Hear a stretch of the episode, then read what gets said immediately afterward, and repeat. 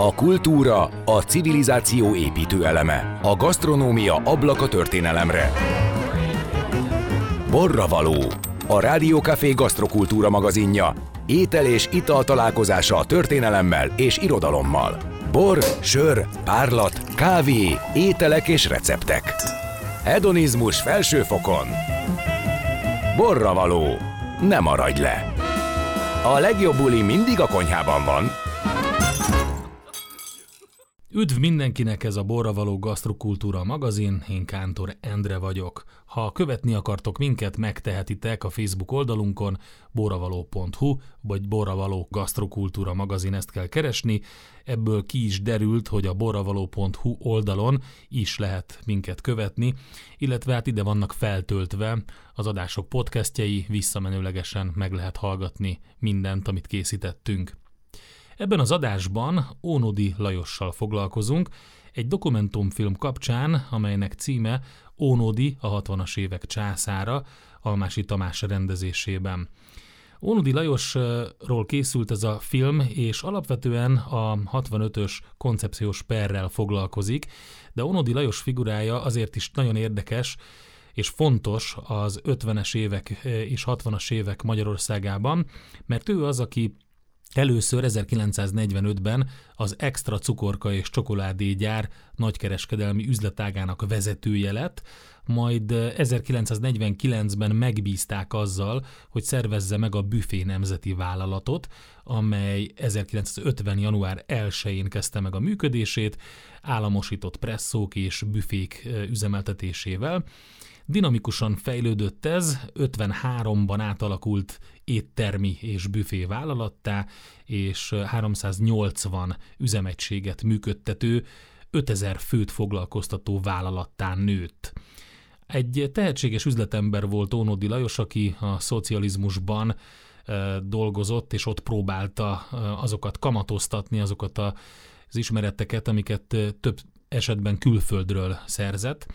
Hát érinthetetlennek képzelte magát, így került sor a 65-ös koncepciós perre.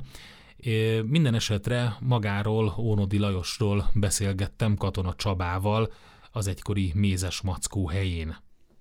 Na itt ülünk a Kígyó utca 4-6-os számban a mostani jégbüfében, és azért mondtam, hogy mostani jégbüfé, mert hogy 1952 óta van jégbüfé Magyarországon, elvileg, tehát ide, ide datálják a, nyitását, de az eredeti hely, a, amit mi eredetiként ismerünk, még a szocializmusból, az illetve korábbról egy kicsit, az a Ferenciek terénél volt, a buszmegállóhoz sokkal közelebb. Ez a hely viszont valamilyen szellemi örököse a mézes mackónak, ami szintén itt volt a Kígyó utcában, kicsit arrébb, ahogy megtudtam itt a hölgyektől a pultnál, Ugye most már nem lehet pontosan tudni, hogy melyik, vagy lehet pontosan tudni, csak én nem tudtam pontosan beazonosítani, hogy melyik épületnél, melyik épületben volt eredetileg. És a Mézes Mackóról pedig azért beszélgettünk Katona Csabával, mert eh, Onódi Lajosról szeretnénk egy pár eh, gondolatot eh, megosztani, beszélni, átbeszélni. Most láttuk nemrég mind a ketten az Onodi Lajos dokumentumfilmet, Onodi a 60-as évek császára, Almási Tamás, azt hiszem a rendező, remélem jól emlékeztem rá, és a film nem volt egy akkora hírverés körülötte. Minden esetre egy nagyon-nagyon érdekes figuráról van szó, akinek a film a koncepciós pert, illetve hát ezt a sikkasztásos ügyet emelte ki, viszont gasztronómiai szempontból és kulturális szempontból nagyon nagy hatása volt arra, hogy a vendéglátásban mi történt Magyarországon.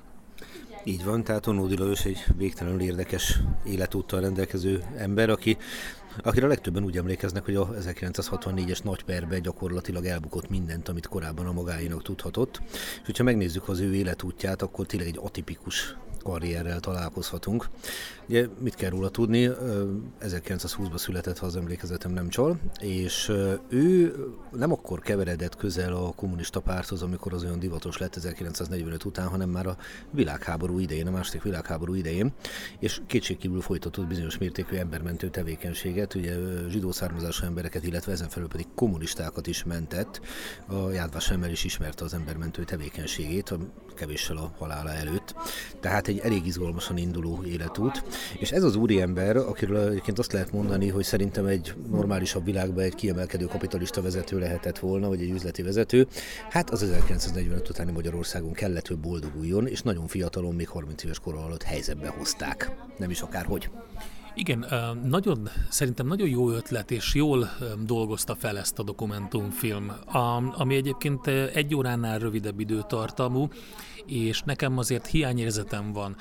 Nem kritikája a dokumentumfilmnek az, amit most mondok, csak én amikor meghallottam, hogy Ónódiról készült egy film, akkor alapvetően arra gondoltam, hogy hát a mézes mackó, és az összes többi minden, ami a magyar vendéglátáshoz kötődik, a balatoni szállodaépítések, a büfé vállalat, ugye két f és nagyon sok minden, amit meghonosított Magyarországon. Na most ezek, ezekre is kitér valamennyire a film, de ő inkább a rendező és a stáb magára a perre hegyezte ki, ami érdekes volt nagyon, um, és el lehet kapni foszlányokat ezekből a dolgokból, amik, amik engem gasztro szempontból érdekeltek, de én ezt egy picit jobban kibontottam volna.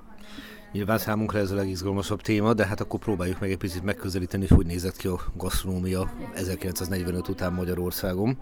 Ne felejtsd el, egy nagyon nehéz helyzetben vagyunk többféle szempontból. Vesztes világháború után, tehát évek óta az ország a háború résztvevője volt, sőt a háborúnak az elszenvedője. Ugye ne felejtsük el, hogy a Wehrmacht meg a Vörös Hadsereg egyebek mellett tiszteletét tette itt. Ezek közül a Wehrmacht ugyan szövetségesként, de azért mégsem annyira baráti szívvel gondolunk rájuk, a Vörös Hadsereg pedig hát kvázi felszabadította az országot, nézőpont kérdés, hogy ezt hogyan értékeljük, de az biztos, hogy egyikük jelenléte sem tett jót Magyarországnak. És akkor 1945 után pedig egy pár évig láthatjuk, hogy papíron volt rá remény, hogy a demokratikus világ részei lehetünk, ma már világosan látjuk, hogy erre igazából szikrányi, szemernyi esése volt akkor, és 1948-49-re gyakorlatilag megformálódik a pártállam, egy bolsevi típusú diktatúra, aminek viszont az alapvetése, hogy piacgazdaság helyett a tervgazdaság határozza meg a mindennapokat. Ha megnézzük ezt a kettőt, tehát a világháború utáni veszteségeket, illetve azt, hogy a szovjet érdekszférába kerülünk, ez azt jelenti, hogy a klasszikus vendéglátástól igazából nem beszélhetünk, és sikerült néhány néhány adatot előszedni, ami mutatja ezt a folyamatot, hogy valamikor a 30-as években Budapesten volt több mint 3000 vendéglátóipari egység, ezeknek a száma radikálisan visszaesett 45 utánra. Belejátszott ebbe az, hogy be kellett zárni a gazdasági viszonyok miatt, gondoljunk az inflációra, ugye a világrekord inflációnkra, de természetesen benne voltak ebbe az államosítások, és hát alapanyag se igazán áll rendelkezésre. Arról nem beszélve, hogy ideológiailag polgári csokevénynek számít a mulatóknak a működtetése, polgári csokevénynek számít, hogy az étkezés az valami örömet is szolgál, és nem pusztán a létfenntartást. És ezzel kapcsolatban előszedtem egy idézetet, ami a Bagdad büfét illetően, és ezt én most föl fogom olvasni, mert így pontos, hogy hogyan írták a, a, a ellenőrök azt, hogy miért helytelen a Bagdad büfébe járni, idézem. Az étterem bejárata egy tükrös ruhatár helyiségben nyílik, ahol az érkezőket egy falramázolt, erotikus festmény fogadja, egy estélyi íruhás pajzánhölgy felfedett combjait fitoktató pózban. Hát nyilvánvalóan ez a vendéglátóipari hozzáállás nem egyeztethető össze a szocialista realizmussal. Igen, és amikor mondtad, két dolog jutott eszembe, az egyik a világbajnok infláció, és hogyha már a vendéglátást nézzük, akkor szokássá vált az elején kifizetni a cechet, mert ugye sokkal drágább lett volna a végén kifizetni, az egyik. A másik pedig uh, még uh, nagypapámat hallottam mesélni azt, hogy azonnal, ahogy megkapták a fizetésüket, azt a legfontosabb dolgokra el kellett költeni, és már az az idő, amit, amíg elindult és odaért a piacra, már az is veszteségnek számított, mert sokkal kevesebbet, mondjuk tojást vagy burgonyát lehetett venni abból a pénzből az idő alatt, amíg odaért. Nagyapám, aki ügyvédként dolgozott 1945 után Esztergomban, meg előtte is, ő azt mondta, hogy amikor jött hozzá egy ügyfél, hogy mennyibe kerül a képviselet, akkor azt mondta, hogy most ennyi bilpengő, egy óra múlva ötször annyi bilpengő, két óra múlva meg nem tízszer annyi bilpengő, tehát hogy gyakorlatilag így lehetett dolgozni. Jelzem egyébként, hogy egészen korai étlapoknál is föl lehet fedezni az inflációnak az erejét, egy 1850-es évekből Balatonfüredről származó étlapon nincs odaírva az ételek ára, csak az ételek neve, ami mutatja azt, hogy valószínűleg erőteljesen változtak az árak akkor is. De hát ne ugorjunk vissza száz évet az időbe. Onnan kéne kiindulni, hogy a magyar gasztronómia nem a csúcs pontján van 1945 után. Ugye többször emlegettük már ebben a műsorban is Venesz József nevét, nem véletlenül. Ugye ő volt az a egyébként profi és kiváló szakács, aki új utakra helyezte a magyar gasztronómiát. Elmondom, mik ezek az új utak röviden összefoglalva. Minimális, olcsó, nem minőségi alapanyagból kihozni a maximumot. Hát itt szó szerint az érvényesült, hogy a szakács abból főzött, ami rendelkezésre állt. Igen, és ugye szokás ostorozni, ezt is elmondtuk korábban Venesz Józsefet, és hát ugye nem véletlenül, mert a, a hagyatéka és az a, az a fajta szakács tudomány, amit ő képviselt, az később átállt egy ilyen egy ilyen elfogadott, hagyományos, sőt követni való valamivé, amivel azért vannak problémák, és jobb, jobb visszamenni még Venesz előtti időkbe, és megnézni, hogy azok az ételek hogy készültek korábban. Persze nyilván mindennek megvan a, a maga helye, aki a gyerekkorában emlékszik a jó vizes tejbepapíra a, a menzáról, amivel rendesen lehetett lövöldözni, vagy, vagy pedig azokra a főzelékekre, amikben alapvetően ugye a liszt az, a, az íz és színvilágot. Szóval, hogy akkor persze nyilván a, a, ezeket így visszasírja, de mindesetre megvolt a helye, amit Venesz csinált akkor, és, és hát ugye az az érdekes, hogyha Onódira Onodiról beszélünk, hogy amikor neki kiosztották először a feladatot, hogy mit kell csinálni, a büfé vállalat megalapítása az csak később jött, hogy egy személyes, ilyen egyéni vállalkozó, kvázi egyéni vállalkozóként kellett ellátnia a különböző rendezvényeket, üdítőital legyen, legyen perec, legyen valamiféle szendvics, vagy zsíros kenyér, vagy bármi. Szóval az a helyzet, hogy ő ebbe lubickolt ebbe a dologba, ő belevetette magát, de mind, én nekem az jött le a dokumentumfilmből és az ő személyiségéből, hogy, hogy ő baromira um, erre termett. Tehát, hogy ő azt nagyon élvezte, és nagyon jól csinálta, hogy a felmerülő igényeket, legyenek azok bármilyen igények, azokat tök jól kiszolgálta. Ez pontosan így van, ugye ő tényleg fiatalon 1949-ben került a Nemzeti Büfé vállalat élére. Ez sajátos dolog volt, mert a Nemzeti Büfé vállalatnak az alapját azok a államosított, gyakorlatilag kisajátított kis üzletek, büfék, stb. képezték, amiket egyébként jó rész például a háború túl és zsidó tulajdonosoktól kobzott el a magyar állam. Tehát tulajdonképpen Onódinak a keze alá adtak egy üzlethálózatot, ha úgy tetszik, nem a mai franchise értelemben, de mégiscsak ő volt ezeknek a egyes számú vezetője. És igazából meg tudom erősíteni azt, amit korábban mondtam, hogy szerintem ő egy tipikusan kapitalista gondolkozású vállalkozó lett volna egy másik világban. Soha nem éreztem azt nála, hogy elkötelezett kommunista lett volna. Nyilván ez a mentalitásából is következik, de az, amit mondtál, az a üzleti szemléletű kereslet és kínálat kiegyenlíti egymást, ez itt nála úgy mutatkozott meg, hogy itt a létező szocializmus keretein belül volt igény valamire, nevezetesen felépíteni ennek az új világnak a vendéglátását, Nyilván azokból az alapanyagokból, ami rendelkezésre áll, azoknak az embereknek, akik ezt ki tudják fizetni, tehát nem kellett magasra helyezni a lécet. Ugyanakkor azonban egy nagyon ilyen tág volt az olló, úgymond a különféle intézményeknek a színvonala között, mert hiszen a csúcsszállodák épp úgy hozzátartoztak, mint a kisebb büfék, és neki ezt kellett megcsinálnia. És valóban, ahogy mondtad is, szerintem ő ezt kifejezetten élvezte. Sőt, hát ugye, oké, okay, ezt most nehéz anélkül bármiféle karakter jellemet, meg, meg hátteret felépíteni, hogy, hogy mélyebben ismerném a sztorit, amit olvastam, vagy olvasható róla felületesen, meg amit a dokumentumfilmben láttam, nekem az jött le, hogy hogy egyszer, amikor a szállodaépítésekről volt szó, és később majd beszélünk, akkor ő nagyon magabiztosan már-már nagyképűen nyilatkozott, de egyébként baromira élvezte azt, hogy ő utazhat. Ugyanis azért ki kellett küldeni nyugatra valakit, aki megnézi, hogy egyáltalán ott mi történik. És számomra a legérdekesebb példája annak az egésznek, ami történt, az a, a négy kávégépnek a példája. Egy világkiállításon ezeket így bérbe vették, hogy elhozzák Budapestre, külföldön, egy osztrák vállalkozótól, és amikor um, hát sokan többek között a káderek közül megkóstolták azt a, azt a valamit, ami a kávégépekből jött, akkor teljes elképedés volt, hogy ez mi, ez a csoda, hát ez habos, ez sűrű, ez valami olyan aromákkal rendelkezik, hogy hihetetlen, és akkor megmutatta a gépet, ami hát ugye manapság Kínáról jut az embernek eszébe ilyesmi, hogy azonnal ahelyett, hogy bármi más tettek volna, megvették azt a négy gépet, azokat darabjaira szedték, és utána reprodukálták az egészet, hogy legyen a magyar szocialista népnek is ilyen finom habos kávéja. Ugye ez a fajta mentalitás egyébként igazából sokkal mélyebben gyökeredzik, mint sem a szocializmus. Ugye a modern világban hogy működnek ezek a üzleti dolgok? Levédettem a nevet, levédettem a technológiát, és így tovább. Na de ez akkor még nem létezett, és ha belegondolunk abba, hogy a középkorban, de még a 19. században is az iparos legények hogy szerezték a tudásukat, hát elindultak vándorolni, elindult, mondjuk az ötvös legény, elment Frankfurtba, elment Prágába, elment Brünnbe, magára szedte a tudást és hazahozta. Tehát igazából, anélkül, ahelyett, hogy ahelyett ezt levédették volna, továbbadták. Ezt a technológiát egyébként Japán is alkalmazta, gondoljunk a japán viszki csodájára. Gyakorlatilag annyi történt, hogy fogták a skót viszkit, darabolja szedték, aztán összerakták picivel jobban, mint még a skótok is. És igazából itt is ez történt. Csak a meglepetést itt valóban az okozta, hogy volt-e kávéfogalmunk, hát ez a kávéfogalom, ez valószínűleg távol állt a ma általunk igényesnek mondott kávétól. Két háború közöttről tudok olyan sztorit, hogy a kávé megjelenik vidéken, ahol ez elég városi dolog a kávé, azt ne felejtsük el de divat, és akkor a munkáskörbe egész egyszerűen a fekete medve cukorból főzött levet adják oda a melósoknak, meg a parasztoknak, hogy hát akkor így átok ezt, ők meg isszák, mert ugye életükben nem ittak rendes kávét. Kicsit csodálkoznak, hogy ez miért annyira jó, Na most itt nyilván azért tudták, hogy mi a kávé, de amikor találkoztak vele, akkor ez szépen mutatta azt, hogy Onódi az igyekezett, és azért volt ebbe támogatottsága, mert volt párt háttere, a rendszer keretein belül egy bizonyos mozgásteret a magáénak tudni, és ennek nagyon fontos eleme volt, hogy utazhatott nyugatra. Hát ezt nem mindenki mondhatta el magáról akkoriban. Utazhatott, és számomra az is barom érdekes a magából, ami kiderül.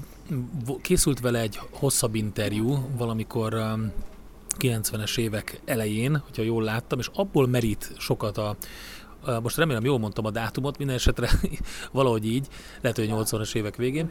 Szóval készült egy hosszabb interjú vele, és abból a mély interjúból merítenek részleteket a dokumentumfilmben.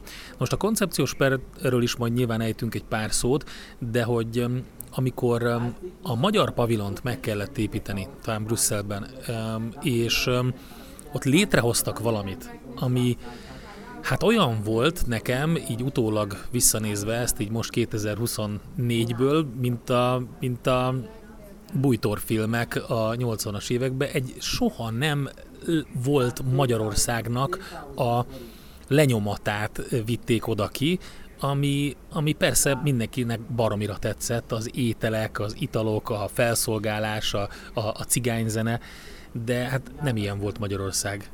Hát nagyon nagy szerencsé, hogy a 21. században ilyen sosem volt Magyarország képpen, már nem találkozunk, de maradjunk egyelőre a történelmi vetületeknél. E, nyilván ez az országimázsnak ez egy fontos eleme volt, és ennek révén egyébként meg lehet ragadni a korabeli magyar gasztronómiának egy nagyon sajátos kettőségét. A Veneszféle alapkönyvekből főzött minden szakács Magyarországon éttermekbe, büfékbe, egyéb helyeken. Ugyanakkor azonban ezek a ilyen helyeken, ahol nemzetközileg kellett valamit letenni az asztalra, főleg, hogyha a hanyatló nyugatnak kellett megmutatni, hogy hát mi vagyunk itt a kultúrának a csúcsa, és ekképpen természetesen, mint a béketábor rész a gasztronómia csúcsa is, ott azért egy teljesen más világ jelent meg. Egyrészt persze meg volt ez a Patyonkin falu, tehát hogy megmutattuk azt a Magyarországot, amire vágytunk, de ne felejtsük el, hogy a magyar gasztronómia is teljesen máshogy jelent meg itt. Tehát azért voltak profi szakácsaink, és amikor ki kellett menni egy világkiáltásra, vagy egy szakács VB-re, vagy egy szakács olimpiára, ott valóban a legjobb alapanyagokból profik dolgoztak. Csak egy példa erre, vagy kettő. Rákóczi túrós, vagy a Somlói Galuska az 50-es évek terméke. Tehát két olyan süteményet a mai napig meghatározónak gondolunk, nem a monárhiáig nyúlik vissza, és lássuk be, mind a kettő kiváló, mind a kettő nemzetközi sikert aratott, de azt nem itthonra csinálták, hanem a világkiáltása. Más kérdés, aztán itt is meg tudta vetni a lábát. Tehát ez a kettőség, ez nagyon-nagyon jól megfogható, és Onódinak meg volt az a lehetősége, miközben látta, hogy itthon mi a magyar valóság, azért mégiscsak a csúcsgasztrómia felé is el tud kalandozni, és ezt igyekezett egy bizonyos ponton túl a vendéglátásban megjeleníteni, csak hát kapitalista alapon nehéz működni a 50-es, 60-as évek Magyarországon. Jó, létrejött a mézes mackó, amit sokan nem tudnak a mézes mackóról, az nem egy bizonyos hely volt itt a Kígyó utcában, az volt talán az első, hogyha jól emlékszem, de annak a mintájára több is működött, illetve beszéljünk akkor a, a, a rendezvényeken kívül arról a vendéglátó és inkább hotelépítési hullámról, ami elindult, és ezzel a Balatonnak a, a, hát a vendéglátását, kultúráját, arcképét azért jelentősen átírta. Ugye a Balaton az egy külön történet, és Onódi Lajosnak ebben méltatlanul elfeledett fontos szerepe volt, hogy a 60-as években valóban egy tömegturizmusnak adhatott otthont a magyar tenger. Pici visszamenve a történelemben, ne felejtsük el, hogy a 19. század második felé Balatonfüred volt az egyetlen olyan hely, ahol szívesen mentek a Balatonhoz, oda se a tóvize miatt, hanem a gyógyvíz miatt. Na ez változik meg a 19. század második felére, utolsó harmadára. Ez azt jelenti, hogy immár a tóvize lesz a vonzerő, Balatonfürednek minden tóparti település a vetétársa lesz, és kialakul egy sajátos fürdőkultúra, egy ilyen nagyon polgári típusú fürdőkultúra. Ennek lesz vége a a monarchia hanyatlásával, az első világháború végével és Trianonnal. Ugyanakkor azonban ez jót tesz a Balatonnak olyan értelemben, hogy igazából tényleg akkor válik nemzeti ügyi a politika szempontjából is a Balaton, mert hogy minden valamire való nyaraló helyet lecsatoltak. Tehát egy másik példa erre, hogy Gyöngyös város tanácsa tanakodott azon, hogy mennyire fáj nekik Trianon, de igazából annyira nem jártak rosszul, mert senki nem akart addig a kékeshez menni. Mert ez egy dombocska, de hát azáltal, hogy a nagyobb hegyek azok határon túlra kerültek, igazából Gyöngyös városra nem járt rosszul, és ők is érezték, hogy ennek fájnia kéne, de mégse fáj. Na most lapozzunk. 45 után viszont a korábbiakhoz mértem valóban egy olyan tömegturizmus alakul ki a Balatonnál, aminek részben ideológiai oka van, hiszen mindértelműen benne van a korszak ideológiájában, hogy mindenki a magyar tenger, nem a kiváltságos polgároké, arisztokratáké, de másfelől egy ilyen szelepként is működött, gondoljunk az ötödülésekre, de azért a jó nép érezze jól magát nyomott árakon megint csak a piacgazdaság helyett ugye a tervgazdaság jegyébe. Mi képezhette ennek az alapját? Hát az államosító magánnyaralók, szállodák, stb.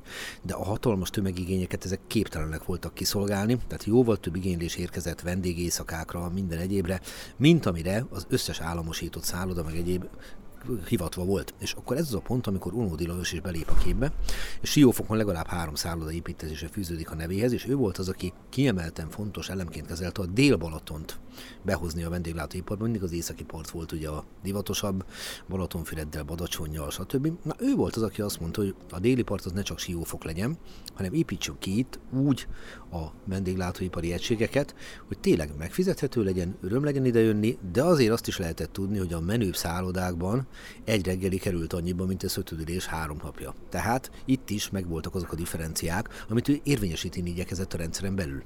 Akárhogy vizsgáljuk ezeket a, a akár a mézes mockót, mint koncepciót, a büfévállalatnak a, a cateringét, mindig oda jutunk, hogy mindig minden látszat volt. Tehát, hogy, hogy valóban azt próbálták meg létrehozni, hogy a szocializmusban minden elérhető, minden van, ami nyugaton van. Tényleg egy ilyen sikeres franchise-nak lehet mondjuk nevezni a mézes mackot, és akkor bement az ember, hát az egy ilyen kánaán, tehát a pogácsától kezdve különböző habos süteményekig, kávékig minden volt, ugye a Hobo énekelte a, a régi operett betétet, hogy jaj, de szép a habos sütemény. Szóval, hogy e, valami ilyesmi az, amire gondol az ember, de hát ugye ezt, ezt nem mindenki tudta ki termelni, megfizetni. Nem bizony, és hát ez nem is a, úgymond a köznépnek szólt. Ugye ünnepi esemény volt elmenni egy hétköznapi család életébe, a mézes mackóba, de akár valóban a jégbüfébe is, mert ez egy ilyen kiemelkedő dolog volt. Na most, és nem a, nem a hétköznapi fogyasztásnak volt a része. Arról nem beszélve, hogy ugye a balatoni vendéglátásnál, de ez a budapestire is igaz egyébként, azért főleg a 60-as évek elejétől, tehát 63-tól a kádári enyhüléstől azért már része volt az is, hogy a nyugati turistákat is igyekeztek ugye oda csalogatni. Nekik azért valami más kellett szolgáltatni. Hát csak gondoljunk a klasszikus filmre a kisfőrös kapossal a verébis madár, ami egy remek önreflexiója a korabeli balatoni vendéglátásnak, amikor ugye Medvecki Ilona vetkőzik, és emlékezhetünk rá, hogy ez a nagyon nyugati típusú szórakozási forma megjelenik ebben a filmben. És ugye szépen mondják, hogy először fáradjanak ki azok a vendégek, akik lengyel zlotyival fizettek, meg, meg román banival fizettek, aztán szépen fáradjanak ki lassan, de biztosan az NDK márka, meg a szovjet rubel, és a végén már csak a dollárral fizető vendégek maradhatnak benne, nekik jár az utolsó pillanat, mikor művésznő minden ruhájától megszabadul. És ez, ez, a, ez a határok feszegetése, ez jól megragadható Unodinál. Mondok egy másik példát a vendéglátáson kívül, hogy mire gondolok, hogy a Ferencvárost, a foci csapatot államosították természetesen, mint minden mást, és egy időben Édosz néven futott, az étusz pedig nem másnak rövidítése, mint a Élelmiszeripari Dolgozók Országos Szövetsége. Majd a Fradi budapesti Kinizsi néven is futott. A nagy fájdalma a Fradinak a névén elvétele, neve elvételen kívül az volt, hogy a zöld-fehér színek helyett piros-fehérben kellett játszania. 1956-ig állt fönt ez az állapot, és 53 és 55 között bizony, ha jól emlékszem, szakosztályelnök volt a Fradinál, a labdarúgó csapatnál, Unódi Lajos, ugye itt az éduszos vonalon jött ő be. És nagy divat volt ebben az időben az úgynevezett húsvéti torna, amit általában Bécsben vívtak, ez még a két háború közötti hagyomány, a Rapid, Ausztria, Fradi, egy-két másik magyar csapat, és 1955-ben tavasszal, húsvétkor a Fradi zöld-fehér mezben lépett pályára Bécsben. Úgyhogy Onódi erről tudott. Két verzió van, az egyik, hogy kikérte Sebes Gusztáv engedélyét, a másik verzió, hogy a Rapid egyik régi játékos adott egy Rapid mezt, hogy a Rapid zöld-fehérbe játszik. Bárhogy is történt, azonnal izolni kezdtek a telefonok Budapesten, hogy itt valami rettenetes, borzasztó dolog történt, hát ez a csúnya fasiszta Ferencváros zöld-fehérben lépett pályára. Hát Unódit úgy kellett kimosni ebből az ügyből, akárhogy próbált védekezni, és végül is aztán már el is vesztette a pozícióját a Ferencvárosnál. Ezt a példát arra hozom föl, hogy ő tényleg mindig igyekezett feszegetni a határokat, hogy ez mennyire volt tudatos, vagy mennyire nem, azt már nehéz megítélni, de nem az a komfortista figura volt, aki beleült valamibe és azt mondta, hogy minden maradjon így, hanem mindig mocorgott, mindig igyekezett kitörni a keretek közül, hát erre rá is fizetett. Igen, lassan eljutunk a, a koncepciós perig. Um, um, előtte azonban egy pár dolog még. Az egyik az, hogy hogy kint kint volt Bécsben, és ezzel is kezdődik a dokumentumfilm, ami a beszélgetésünknek az apropóját adja, ahol találkozott többek között a háromszoros világbajnok Paplacival, aki az ő elmondása szerint térdre borult előtten, most ez lehet, hogy egy ilyen túl dramatizált verzió, de minden esetre kérlelte, hogy ne jöjjön haza.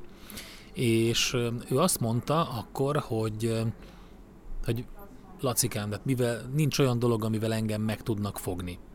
Na most, amikor ő ezt mondta, ez egy akkora pozíció, egy olyan magabiztos fellépés, hogy nem véletlenül lett a filmnek a címe az, hogy a 60-as évek császára. Tehát lényegében a, az egyedül induló egyszemélyes catering vállalkozóból, vagy ilyen kvázi vállalkozóból lett belőle egy olyan ember, aki igazából ő mindenért felelt, ami a vendéglátást jelentette, majdnem, hogy azt lehet mondani, Magyarországon.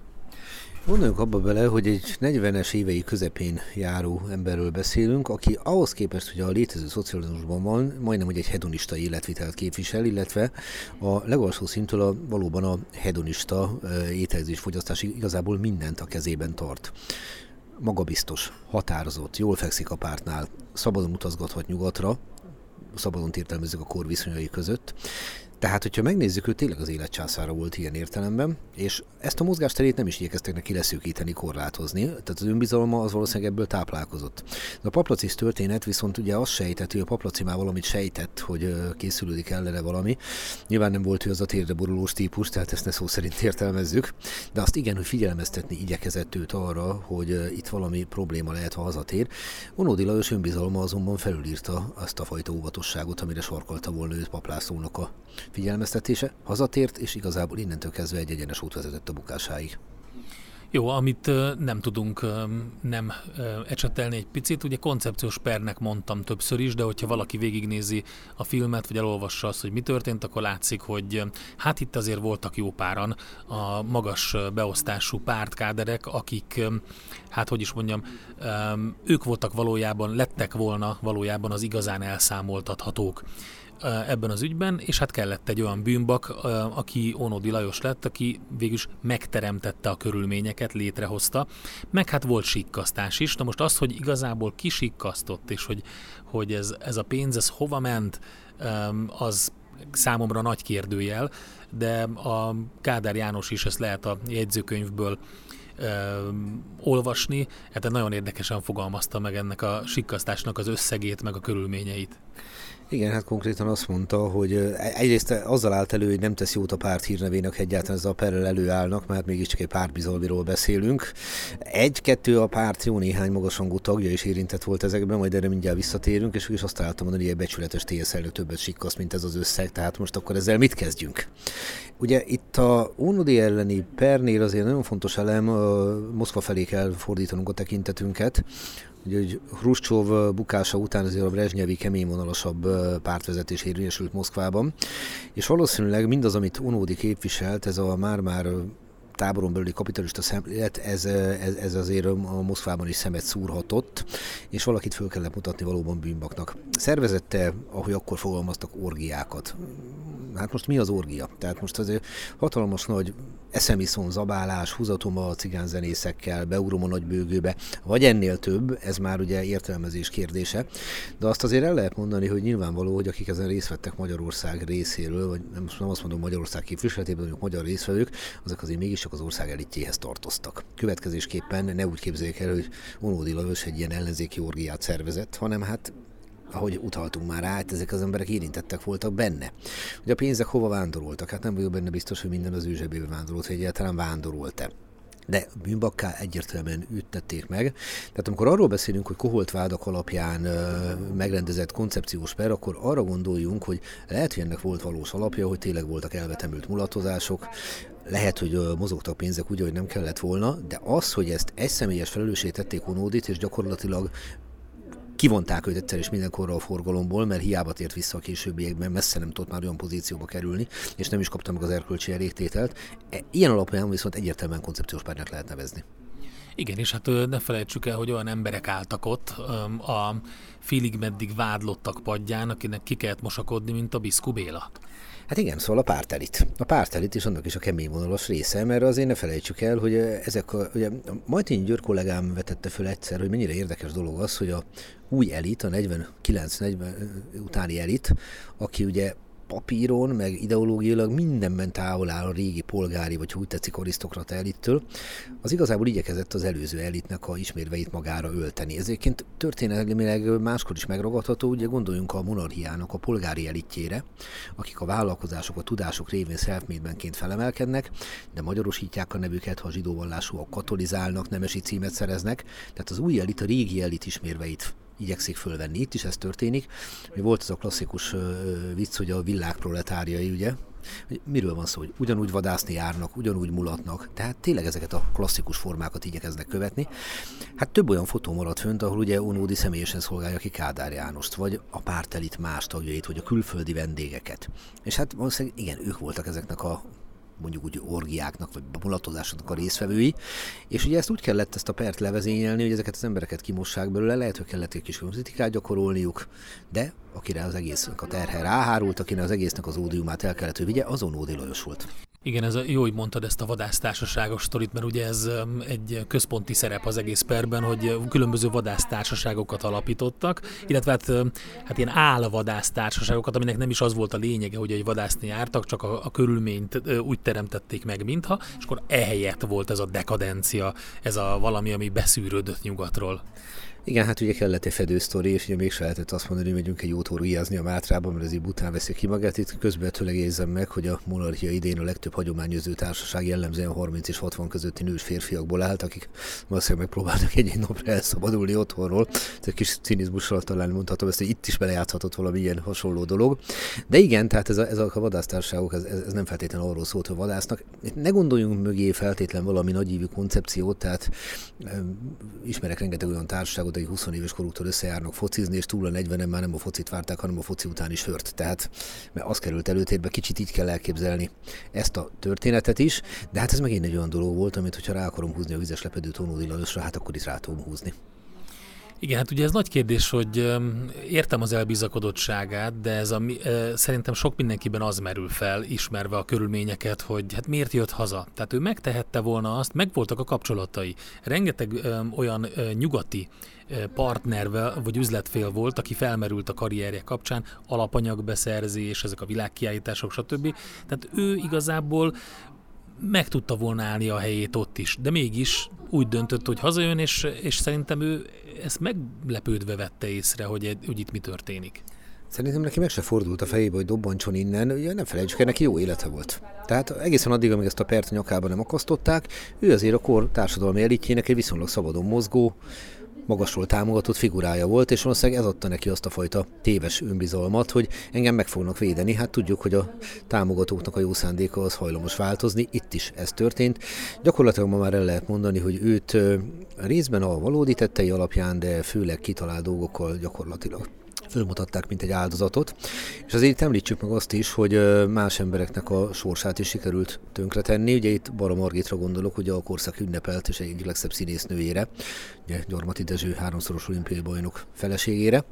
A Bara Margitot vádolták meg azzal, hogy ő a egyik főszereplője ezeknek az orgiáknak. Hát itt ilyen vádak hangzottak el, hogy csokoládéba burkolt mesztelen hölgyeket kínáltak föl. Most nem akarok a body mint kortárs dologra utalni, csak valami hasonló dolgot lehet elképzelni. Most szegény Baramargit még csak nem is ismerte személyesen Onódit, de ezzel együtt rajta ragadt ez a, ez a tényleg rossz szándékú vád, és gyakorlatilag a filmes karrierének ez a végét is jelentette, és ő se kapta meg soha az erkölcsi elértételét. Tehát amikor azt látjuk, megpróbálom ezt összegezni, akkor igazából az derül ki ebből az egészből, hogyha van egy ember, aki feszegeti a kereteket, egy diktatórikus rendszeren belül, jól lehet már a puha diktatúráról beszélünk, 63-tól talán lehet így nevezni a Kádár rendszert, azért, azért a rendszer ezt nem tűri meg, és egy ponton túl, ha másért nem azért, mert valakiket ingerel, már legfeljebb ezért már, már be tudják áldozni az illetőt, aki megpróbál a határait feszegetni, de azért megint csak mondom, ne felejtsük el ezt a Khrushchev váltással a háttérből.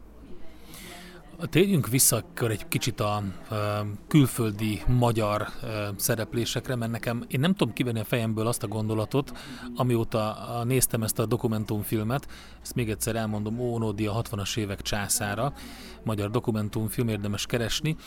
Szóval, hogy néztem ezt, és egész végig az volt a fejemben, hogy az a fajta domborítás, amit folyamatosan mutattak ezeken a világkiállításokon, nemzetközi vásárokon, nemzetközi szerepléseken, hát itt a libamáj, a tokai aszú, a marha pörkölt, a szarvas szték, nem tudod, ilyen, ilyen ételek kerültek um, alapvetően bemutatásra.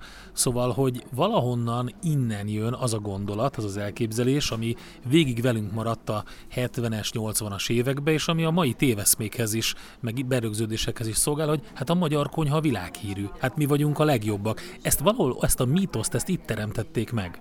Ez konkrétan itt, ugyanis egész egyszerűen szakadéknyi különbség volt, sőt több, több szakadéknyi Mariana ároknyi különbség volt, aközött, ami az itthoni magyar valóság volt, és amit oda kintre elvittek. És igen, azok a magyar szakácsok, akik ott kint dolgoztak, ők, ők úgy látták, hogy ez a magyar konyha, ezt lehet megteremteni, azzal, azt lehet letenni az asztalra azzal, hogy mi az egyik legjobbak vagyunk, és akkor most képzeljük el azt, hogy valaki egy ilyen világkiáltáson, vagy egy olimpián, vagy bárhol belefut ezekbe a magyar ételkülönlegességekbe, majd eljön Magyarországra mondjuk egy nyugati polgár, mert már megteheti, és keresi ezeket, és nem találja sehol, hanem helyette szembe jön vele mondjuk a megybártásos párolt marha, ami hát nem annyira rossz, de azért az a műanyag háromszög alakú tálcán kicsit másképp mutat, mint a libamáj. Úgyhogy maradjunk annyiban, hogy itt tényleg egy ilyen kettőség tört, kettőségről beszélhetünk. Valóban volt az a, az a külföldnek szánt Patyonkin Magyarország, de hát ezt itthon a magyar valóságban nagyon-nagyon kevés helyen lehetett megtalálni. Kicsit szomorú a vége is az egész történetnek, és utaltál rá egy mondatban, ugye, hogy soha nem tudta rehabilitálni saját magát, de baromi érdekes, hogy a, megjelenik a fia a film végén, és um, ott elmondja, hogy hát igazából amit szeretett volna um, utólag egy Onodi Lajos, az például, hogy a párt tagságát kapja vissza. De hát ez már abszolút eh, egy olyan korban volt, amikor ez, az ember azt gondolja, hogy ennek örülhetett volna, hogy ez az egész el van felejtve. Igen, megfosztották a pártagságától értelemszerűen, amikor elítélték, hogy a Szegedi Csillagban kellett leülni egy jó hat évet, ha jól emlékszem. Tehát elég szigorú ítéletet róttak ki rá, és talán fél évet engedtek el az egészből. De valószínűleg ez már tényleg azt jelentette számára a pártagság visszaadásának a ötlete vagy a lehetősége. Számára ez azért fontos, mert így érezte volna magát igazán rehabilitálva. Tehát ugye ez az ő értékrendjét mutatja, hogy milyen korszakban szocializálódott, illetve hogy kik és mik vették őt körül. Ez nem adatott meg neki. Békés Csabán még egy, volt úgy tetszik utolsó fellángolása az ő szakmai tevékenységének. Ott őt már általában csak Lajos bácsiként emlegették, ugye már idősebb korában volt. Volt némi szerepe, hogy a város gasztronómiája egy picit pozitívabb irányba induljon el, és a sport iránti rajongása az itt is megmutatkozott, mert egyebek mellett a ő tevékenység is kellett hozzá, hogy a Békés Csabai foci csapat följusson az NB1-be. Ez ugye messze nem ugyanaz a történet, mint a Kinizsi vagy a Fradi az 50-es években, de azért azt mutatja, hogy egyfajta folytonosság az ő gondolkodásában, meg a személyiségében az megragadható volt.